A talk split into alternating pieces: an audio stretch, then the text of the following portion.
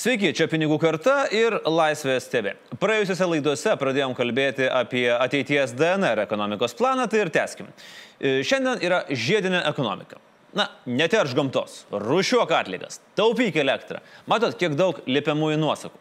Bet matyt, prašymai ir tariamoji nuosaka jau neveikia, nes ES išsikėlė labai ambicingą tikslą - per 30 metų tapti regionu be šiltnamio efektą sukeliančių dujų ir atsėti ekonomikos augimą nuo išteklių naudojimo. Taigi, šiandien ir kalbame apie tai, kas yra ir kaip veikia tas mistinis žiedinės ekonomikos ratas ilgą laiką ekonomika vykdavo pagal linijinį principą.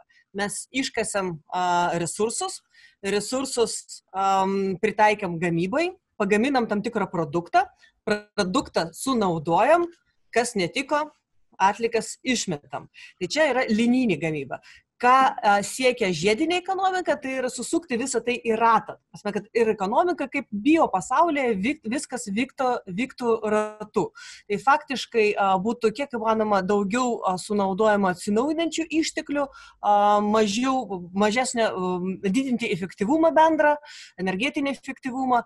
Ir kas ryškiausia yra, kas žiūrint į ateities perspektyvą iš, iš būtent komisijos pusės, tai jie yra įvardinę kelias, kelis sektorius, kelias rytis, kurie yra kertiniai tiek Europos ekonomikai, tiek yra matomas didelis potencialas žiedinės ekonomikos atžvilgiu ir kur artimiausių metų bus daugiausiai investicijų fokusuojama perorientuoti tuos sektorius, tai yra um, elektronika ir IT E, produktai, taip pat e, transporto priemonės ir baterijos.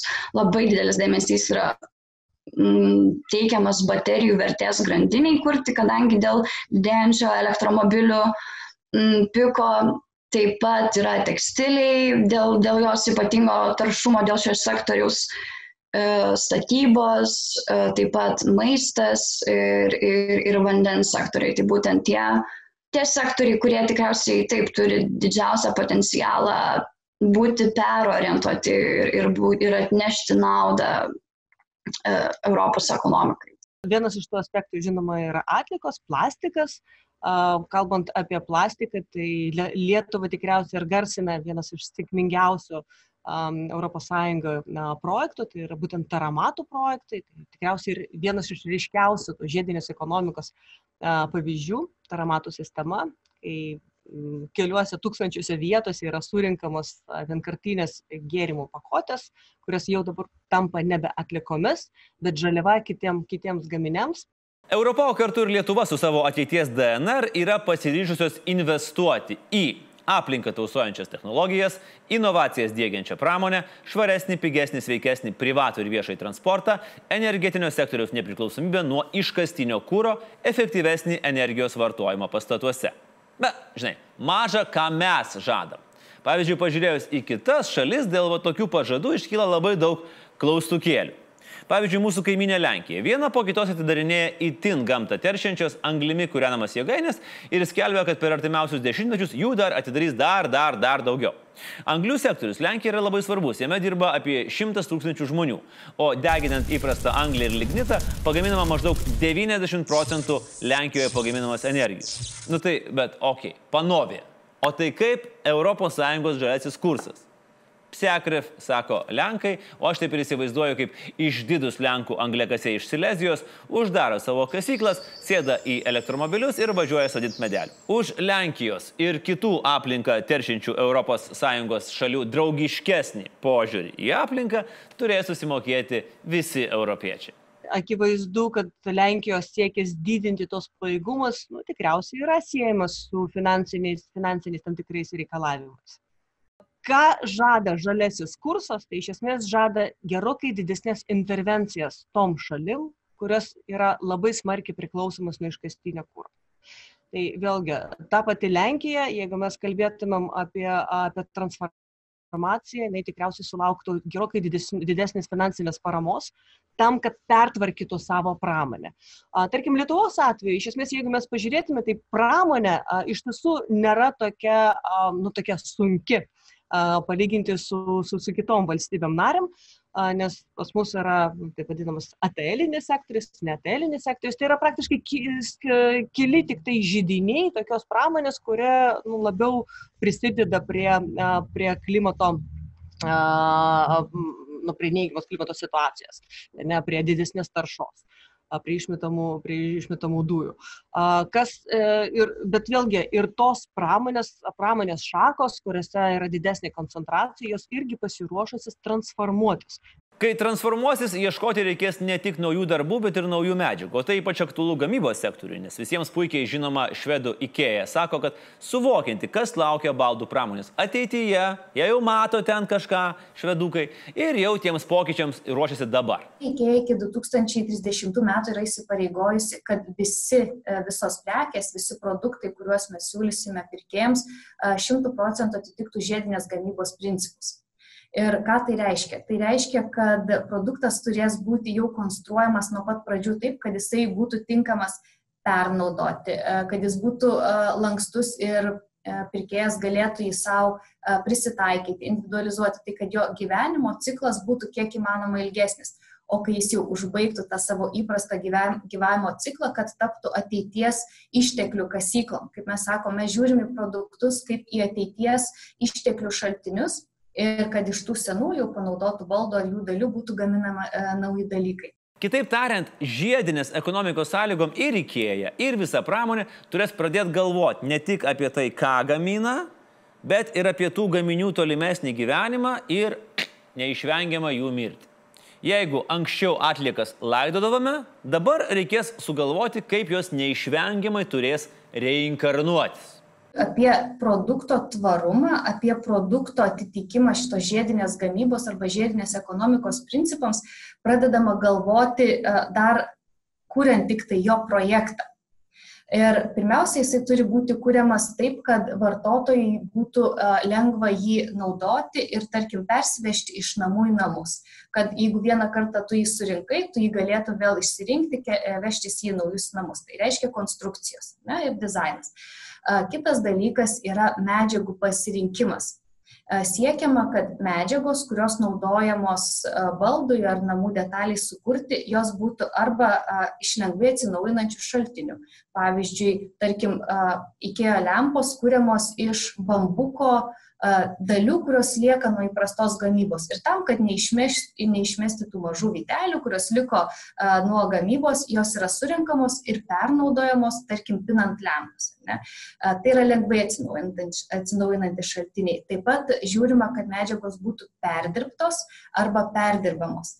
Paprastas pavyzdys, iki šių metų pabaigos iki yra įsipareigojusi, kad visas gamyboje naudojamas poliesteris būtų 100 procentų tik tai perdirbtas. Tai reiškia, mes neimam naujo iš naftos produktų pagamintų poliesterio, mes norim jo jau perdirbto. Tai čia yra medžiagos. Jeigu mes norim pagaminti produktą, kuris būtų patvarus, panaudojamas daug kartų, mes jį turim ir kurti su ta, su ta, su, su ta pačia intencija, kad jis a, užtikrins tam tikrą ilgą amžiškumą. Tai tas pakartotinų produktų naudojimas ir taisimas ir teisė taisyti produktą, o ne a, sakykime, pirkti naują vietoje jo, a, iš esmės ir yra vienas iš tokių labai perspektyvų a, dalių žiedinės ekonomikos.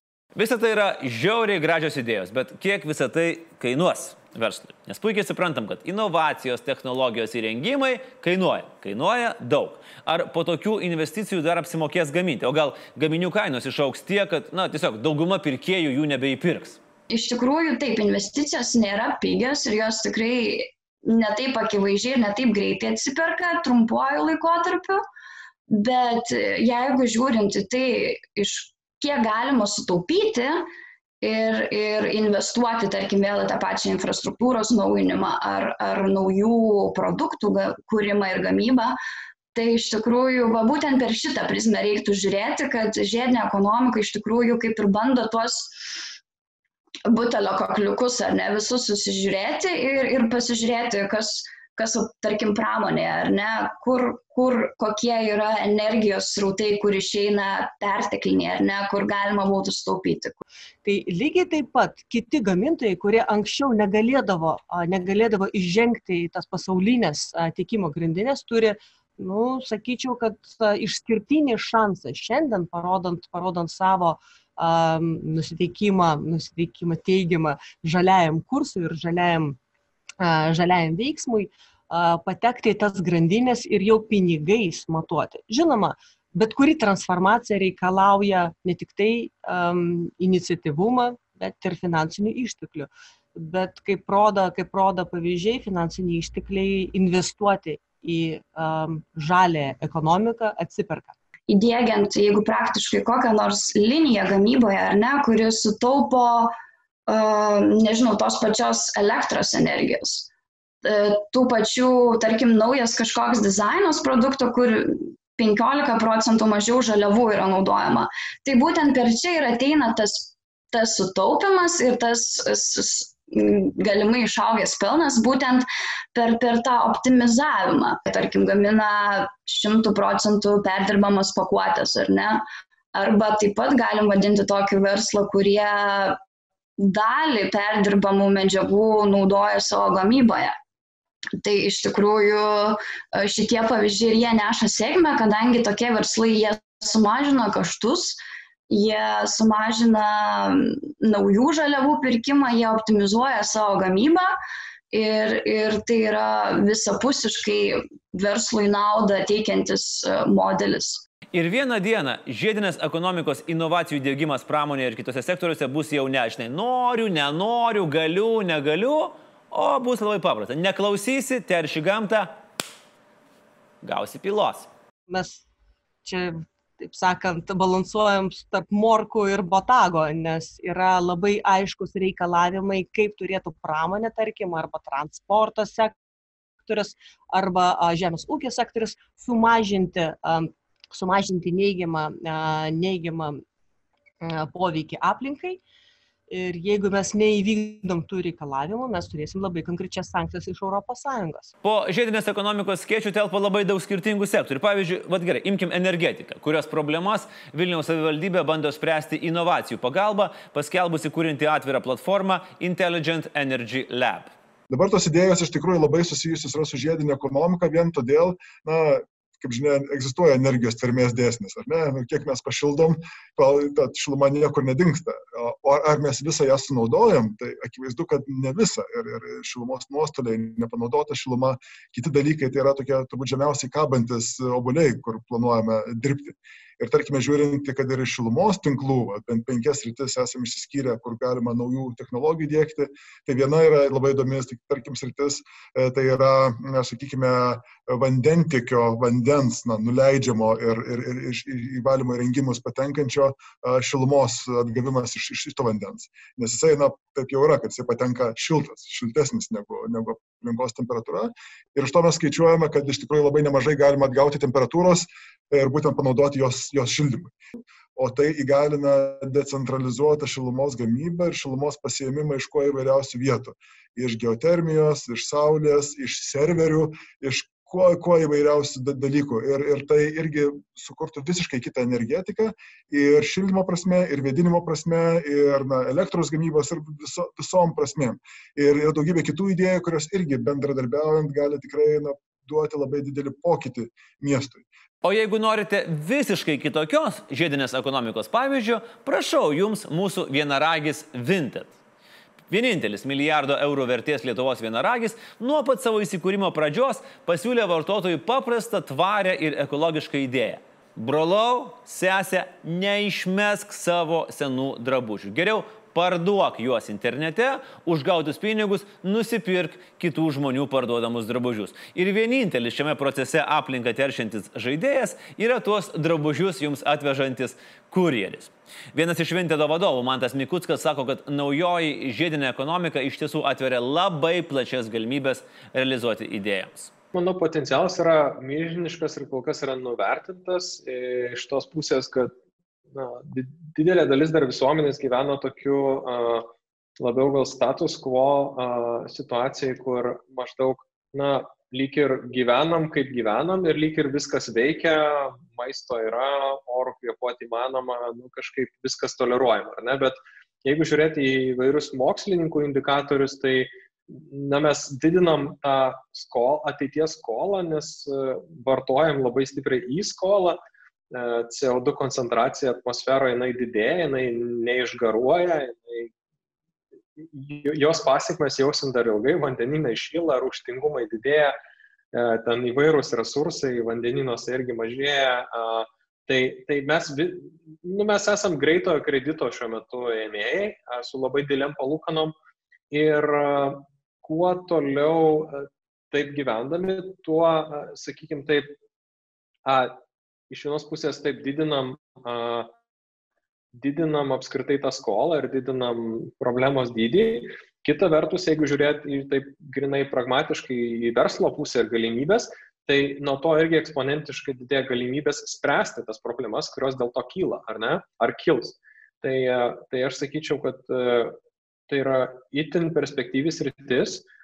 Mano nuomonė šiandien dieną, jeigu dar nėra labai griežtos diversifikacijos tarp investuoju į įprastą verslo modelį versus investuoju į ateities modelį, kuris paremtas šitais faktoriais, kaip, kaip kažkoks aplinkos poveikis ar, ar, ar teigiamas, ypač teigiamas aplinkos poveikis. Tai, tai vėliau tas faktorius tikrai atsiras. Jau yra, matosi to užuomasgos, kad tam tikri fondai, dideli investiciniai instituciniai fondai, atsirinkdami įmonės, į kurias investuoja, jau turi šitą filtrą, kad, na, pavyzdžiui, į teršiančias įmonės apskritai nenori investuoti, o prioritetas į tas, kurios, kurios uh, turi teigiamą įtaką aplinkai ir ne. Tai, tai vėlgi tam tikra indikacija. Todėl kai kurie didėjai verslai gali patirti labai rimtų sunkumų, jeigu jiems nepavyks adaptuotis prie naujo, kur kas žalesnio pasaulio. Tuo tarpu nauji verslai gali nuo pat pradžių startuoti žaliai. Daug sudėtingiau yra transformuoti jau dabartinius procesus, negu pradėti viską iš naujo. Tai tiem, kurie tik tai pradeda, aš labai palinkėčiau pradėti viską žaliai, iš karto žaliai. Maksimaliai investuojant, investuojant į tos procesus, kurie bus pageidautini vartotojų. Nes iš esmės, iš esmės vartotojas diktuoja madą. Ir mes matome, kad vartotojas tiek, tiek partneriai gamyboje, tiek galutinis vartotojas šiandien jau nori ne tik tai ne tik tai pigesnės prekės, bet ir kad ta prekė užtikrintų, um, užtikrintų tam, tikrus, tam tikrus aukštesnius um, ekologinius standartus. Yra maisto visa grandinė, yra visa trans, trans, ta, transporto visa e, sektorius visas ir ne. Ir tai, tai tų galimybių yra labai daug ir nebūtina paimti visos vienos kažkokios didelės ryties, galima spręsti kažkokią vieną aiškę didelės industrijos vieną, vieną iš problemų, ar ne, ir, ir tikėtis tame sėkmės. Ir, na, šalia, šalia viso to, aš manau, kad e, tokį verslą yra daryti na, dar ir papildoma tokia moralinė satisfakcija, tai yra tam tikras malonumas, kai tu žinai, kad tu nekuri verslo dėl verslo, tu, tu kuri verslą dėl kažkokio tai teigiamo į, pokyčio apskritai pasaulyje, aplinkoje, visuomeniai. Su Mantu iš Vinted dar susitiksime ir kitoje mūsų laidoje, kurioje kalbėsime apie dar vieną ateities ekonomikos DNR plano prioritetą - startuolis. Tai ko reikia, kad jos lydėtų sėkmė. O dabar grįžta Odeta Blažienė ir asmeninių finansų rubrika. Šiandienos tema - pigios, brangių daiktų alternatyvos. Kitaip sakant, Odeta, padėk mums sutaupyti. Sveiki, aš Odeta ir šiandieną asmeninių finansų rubrikoje papasakosiu apie galimybę sutaupyti renkantis pigias, brangių daiktų alternatyvas. Pradėkime nuo to, kad dauguma brangių prekių paprastai turi vardo mokestį. Štai šiandien pigiausias naujos kartos iPhone kainuoja apie 500 eurų, nors padorų Android įrenginį galima įsigyti už 200. Todėl atsiribojant nuo vardo ir ieškant pagal prekės funkcijas, visada galima rasti pigesnių alternatyvų brangiems daiktams. Nusistatykite biudžetą. Atėjo laikas įsigyti naujas ausines ar atsinaujinti virtuvės komplektą? Nuspręskite, kiek pinigų norėtumėte šiam pirkiniui išleisti idealiu atveju ir leiskitės į paieškas. Pavyzdžiui, jei ieškote naujo televizoriaus, pradėkite nuo paieškos geriausias televizorius iki 400 eurų. Tikėtina, kad net ir lietuvių kalba rasite bent keli šaltinius, kurie padės išsirinkti televizorių su geriausiu kainos ir kokybės santykiu. Žinoma, paieška daug efektyviau veikia anglų kalba, todėl nevenkite prisiminti, ko mokėtės mokykloje. Taip ne tik išleisite mažiau pinigų, bet ir pramankštinsite atmintį. Skaitykite apžvalgas. Suradę tinkamiausią modelį, skirkite šiek tiek laiko skaitydami prekės apžvalgas. Taip ne tik išvengsite galimų nemalonumų dėl dažniausiai pasitaikančių trūkumų, bet ir karts nuo karto surasite, ką apžvalgininkai rekomenduoja kaip geresnę alternatyvą. Ieškokite mažiau populiarių didelio gamintojo prekinių ženklų. Gigantiškai Volkswagen grupiai priklauso tiek pats Volkswagen, tiek Audi, Škoda ar Seat prekių ženklai. Dėl masto ekonomijos didelė dalis šių automobilių gamyboje naudojamų detalių yra tos pačios. Todėl rinkdamiesi Škoda Octavia gausite panašią kokybę į Volkswagen Passat ir sutaupysite kelis tūkstančius eurų. Dairykitės pigesnių alternatyvų kasdien. Kalbant net ir apie paprastesnius pirkinius, verta skirti laiko ieškant, kaip sutaupyti. Googlinant nesunku rasti tas pačias funkcijas atliekančias, tačiau daug pigesnės alternatyvas.